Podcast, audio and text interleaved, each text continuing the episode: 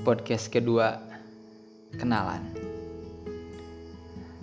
Setiap kita berawal dari asing, tak saling mengenal, bahkan saling tak peduli satu sama lain.